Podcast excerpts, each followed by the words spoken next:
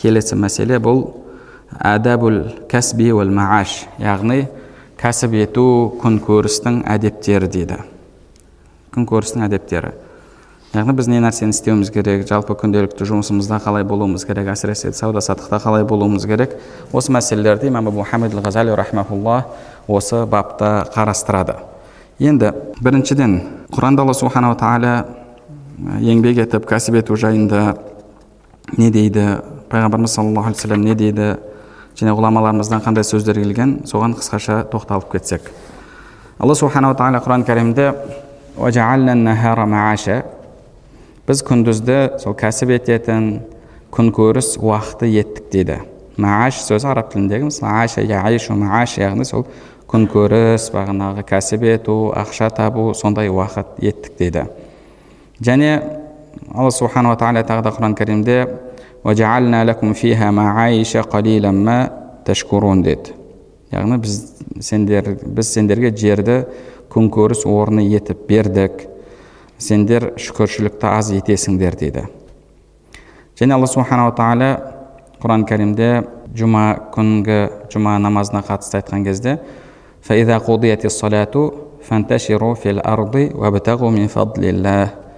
намаз бітсе жер бетінде тарқаңдар да тараңдар және алла тағаланың жақсылығын іздеңдер деді. Яғни кәсіп етіңдер халал дүниеден ана өздеріңнің несібелеріңді іздеңдер деп алла субханала тағала құран кәрімде бұйырып жатыр. Сол үшін де кейбір ғұламаларымыздың сондай бір ә, айтатын сөздері бар. Бізде жалпы дінімізде демалыс деген нәрсе жоқ дейді. Демалыс мысалы біз демалыс қай күні болу керек дейміз? Негізінде мұсылманға ыңғайлы демалыс демалатын күн егер ол өзінің жеке жұмысында болатын болса мысалы жеке кәсібі немесе жеке дүкені болатын болса көбінше намазхандар жұма күнді демалатын күн етеді неге себебі? Таңертең ғұсылын алады құранын оқиды сөйтіп асықпай мешітке барады. Яғни жалпы жұма күн негізі мұсылмандар үшін қасиетті күн. Бірақ кейбір ғалымдар айтады сол күннің өзінде дейді сол жұма күннің өзінде алла субханала тағала айтып жатыр дейді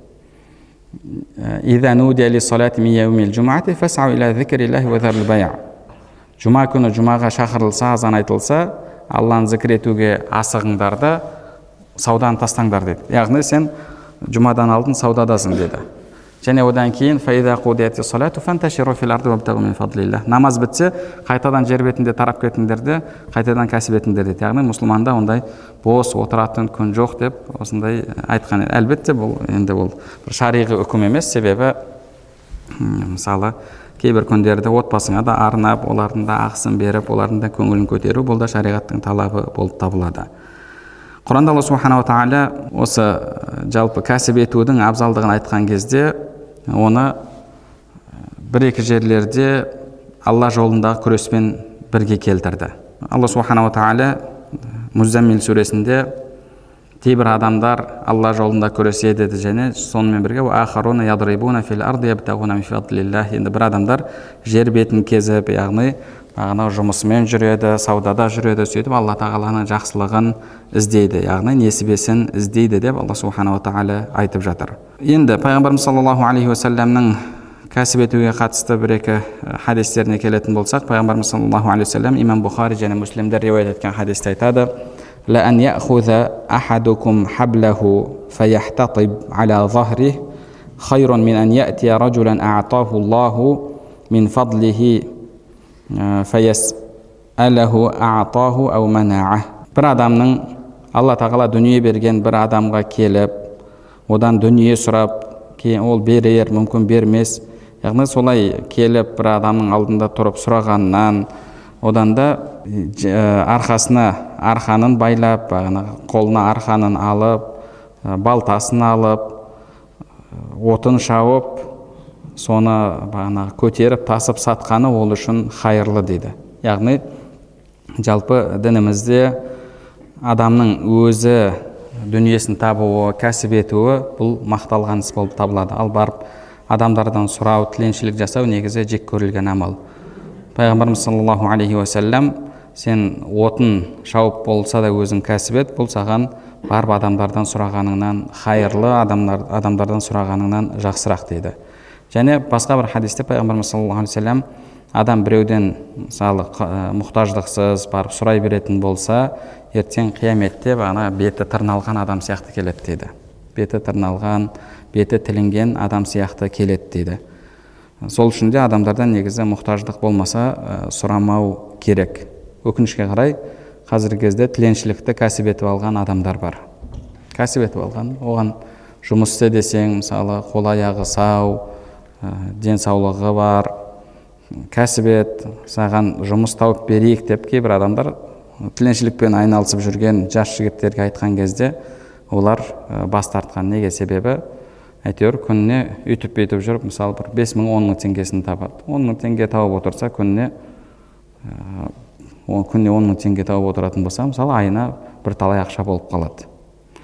Бірде сол бір мешіттердің жанында көрген едім сондай бір қызықты. Мешіттің жанында тіленші отырады. Мешіттің екінші бетінде халал асхана бар. Енді асханаға адамдар келіп ақша төлейді аналарда қайтаратын сдача жоқ. Сонымен келіп тіленші келіп он мың теңгені ұсақтап берші дейді. Ана қалтасынан шығарып тұр. Енді оған ұсақ ақшалар тасталады ғой сөйтіп ұсақ ақшамен әлгі он мың теңгелікті ұсақтап беріп жатқанын көрген едім. Сөйтіп өкінішке қарай кәсіп етіп алады бұл нәрсені. Негізі ә, дінімізде ол нәрсе ә, жек көрілген амал болып табылады. Және пайғамбарымыз саллаллаху алейхи уассалам имам ахмад рахимауллах риуаят еткен хадисте айтады. Ең адамның ең адал несі дейді? Негізі бағанағы тауып жеген дүниесі бұл егер адал болатын болса шыншыл болатын болса адамның өзінің қолымен тауып жеген дүниесі деді. Яғни кәсіп етіп мысалы егін болатын болса егін сауда болатын болса сауда әйтеуір өзі кәсіп етіп тауып жегені ең адал дүние болып табылады деді. Және пайғамбарымыз саллаллаху алейхи вассалам имам термизи рахмауллах риуаят еткен хадисте айтады.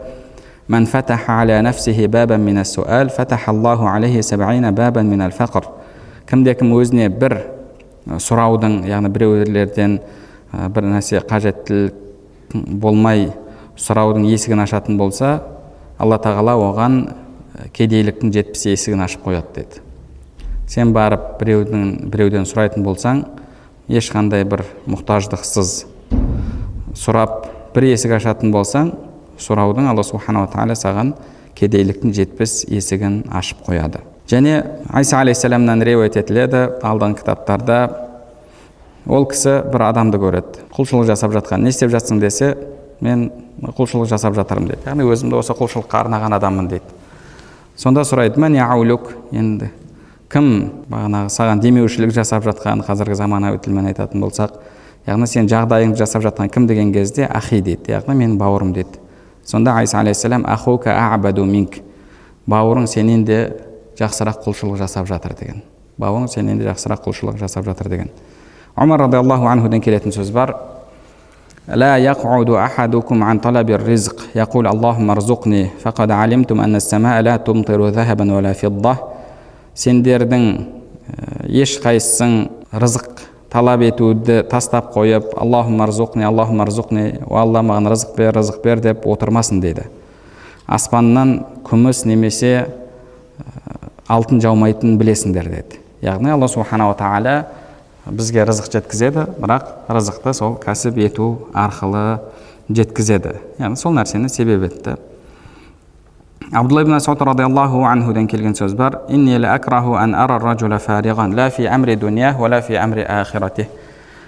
Мен бір адамның дүние ісімен де айналыспастан ақирет ісімен де айналыспастан бос жүргенін жек көремін деген. Адам не құлшылығында болу керек басқа уақытта басқа уақытта ә, кәсібінде болу керек. Өзінің кәсібінде бағанағы сол жұмысында болуы керек. Екеуінде болмай екеуінде де болмай бос жүрген адамды мен жек көремін дейді. Және жалпы адамның кәсіп етуі негізі бұл дініміздің талабы.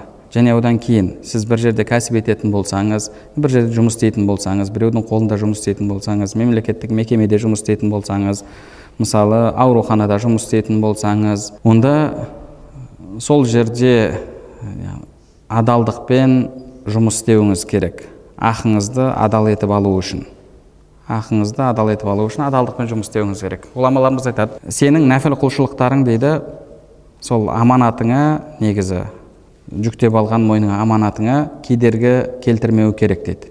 Яғни мысалы сіз біреудің үйінде мысалы стройкада істейсіз. Күннің ұзақ күні сондай ыстық күнде ораза тұттыңыз нәпіл ораза тұттыңыз. Сөйтіп жұмысыңызға бардыңыз. Қарныңыз ашып әлсірегеннен жұмысты дұрыс істей алмайсыз. Ғұламаларымыз айтады негізі бұл әлгі адамға сіз қиянат жасаған болып есептелесіз дейді. Немесе түнімен тәхаджуд оқыдыңыз да таңертең жұмысыңызға барып мемлекеттік мекеде, мекемеде жұмыс істейсіз бардыңыз да бір бұрышқа тығылып жатып ұйықтадыңыз. Бұл ісің харам болып есептеледі дейді бұл ісің харам болып есептеледі. Неге? Себебі сен оны аманат етіп алдың ба сол аманатқа қиянат жасамау сенің парызың. Ал түнгі құлшылығың ол нәпіл құлшылық болып есептеледі. Сенің нәпіл құлшылығың әлі қызметіңе кедергі келтірмеуі керек. Мысалы бір жерде заңгер болып істейсің кеңес беруің керек сен кеңес берудің орнына ұйықтап жатсың. Немесе шығып кетті басқа деп айтыңдар дейсің да көлігіңе барып ұйықтап жатарсың. Енді бұл нәрсе негізі дінімізде харам болып есептеледі осы ғұламаларымыздың бірі аты есімнен шығып тұр ибраһим ибн адхамбеда бір адамдардың қолында жұмыс істейді. Несінде егінінде әйтеуір бағана бау бақшасын суарып солай жұмыс істейтін болады. Бір күні бір таныстары ә, діндес бауырлары іздеп келеді. Бұл кісі жұмысында болады. Әбеттің уақытында түскі астың уақытында. Сонда әлгі кісі яғни жұмыстың иесі бау бақшаның иесі әлгі ғалым әулие кісіге әкеп тамағын береді. Сонда әлгі кісі тамақты алады да аналарға келіңдер тамақтан жеңдер деместен тамақтың бәрін өзі жеп қояды. Жанындағылар таңқалады енді. Кел деп бір ауыз ауыз тие басқа деп айтқан жоқ деп. Сонда әлгі ғалымның айтқан сөзі бар.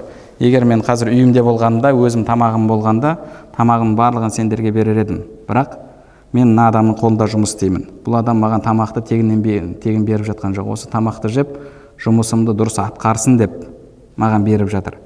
Мен қазір қарным аш. Жемесем бұдан кейін обедтен кейінгі жұмысты дұрыс істей алмаймын. Мен яғни тамақты сендермен бөлісуім бұл сүннет енді ана адамның алдындағы қызметім ол мен парызым.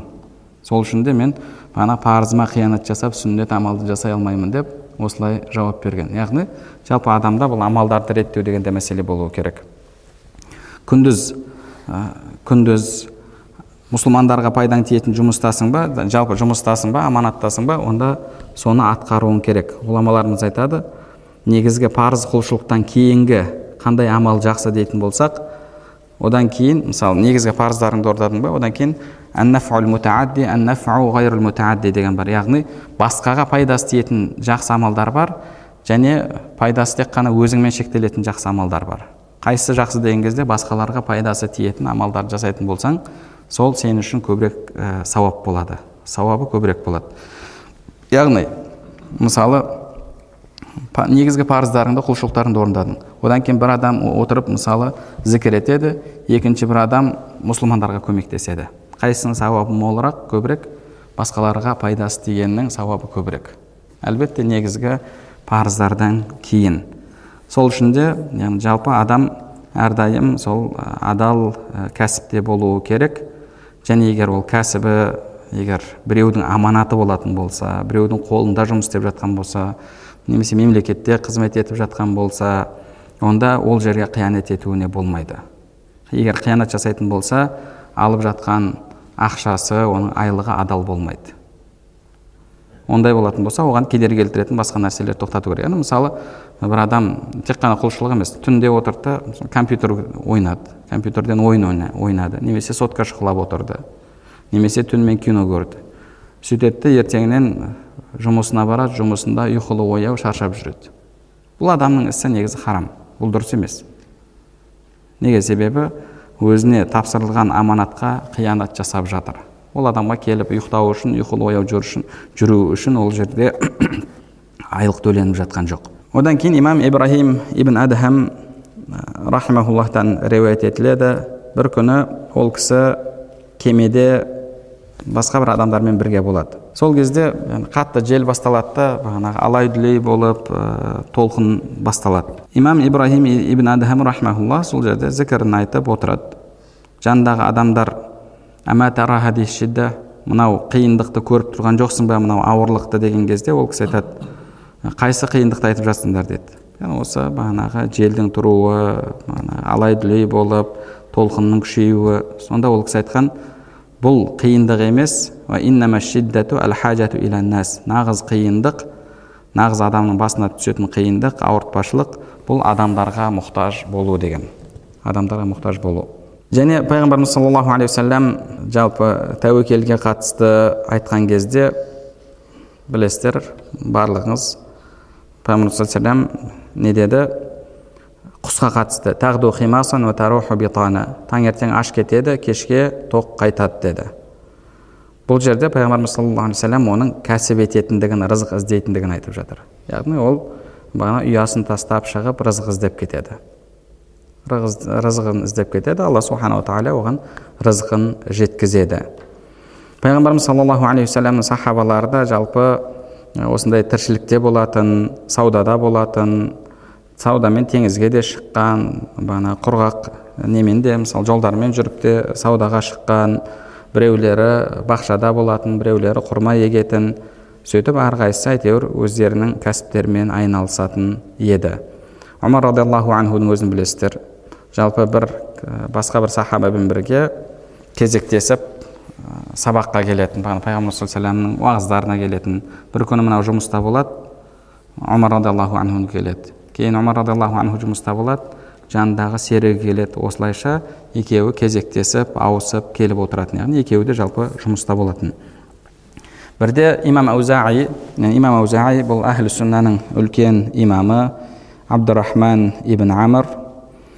Осы шам өлкесінің үлкен ғалымы бейрут деген қала бар. Сол жерде өмір сүріп сол жерде қайтыс болған.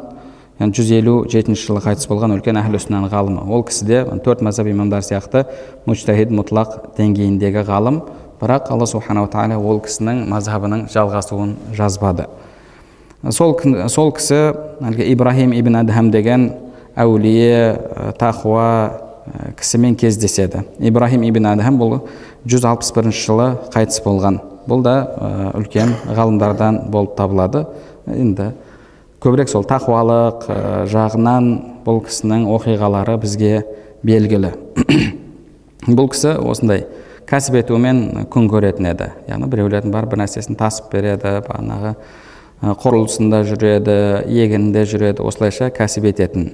Бір күні имам аузаи ибраһим ибн адамды көрсе жолда мойнына бағанағы нені отынды қойып алған отын арқалап кетіп бара жатады сонда имам аузаи я аба исхақ уа аба абу исхақ яғни күниясы қашанға дейін осылай жүресің бауырларың бар емес пе сенің қызметіңе солар жарайды ғой деген кезде имам ибраһим ибн адхам имам аузаиға қоя сал яғни бұл нәрсеге басын қатырмай ақ қой فإنه بلغني أنه من وقف موقف مذلة في طلب الحلال وجبت له الجنة кімде кім адал дүниені талап етіп яғни кәсіп етіп бір осындай бір жағдайда болатын болса мәзәллә дейді. Мәзәллә деген яғни жалпы адамның бір қоғамда сәл деңгейінің түсуі дәрежесінің түсуі тікелей аударатын болса қорлану дегенді білдіреді. Қорлану. Жалпы жұмыста жүр кәсіпте жүр. Осындай жағдайда болатын болса адал дүниені кәсіп етіп иншалла оған жұмақ уәжіп болады жұмаққа кіру оған міндетті болады дегенді естігенмін дейді имам әбу сулейман әд дарани рахмаулла бұл да үлкен ғалымдардан ол кісі былай деген ليس العبادة عندنا أن تصف قدميك وغيرك يقوت لك ولكن ابدأ برغيفك فأحرزهما ثم تعبد бізде біздің түсінігімізде біздің оқып білгенімізде құлшылық дегенің ол сен мешітте тұрып қиямда тұрасың басқа біреу сен үшін кәсіп ету емес деді. Бұл құлшылық емес деді. Бірінші наныңды тап наныңды тап одан кейін құлшылығыңды жаса деген. Яғни құлшылығын жаса деген кезде бұл жерде әлбетте нәпіл құлшылықтар. Болмасам сен ә, дүние тапсаң да таппасаң да жалпы парыздарды орындау бұл сенің бірінші негізгі міндетің болып табылады. Яғни бұл жалпы ә, кәсіп етуге қатысты ғұламаларымыздың пайғамбарымыз саллаллаху вассаламның айтқан сөздері.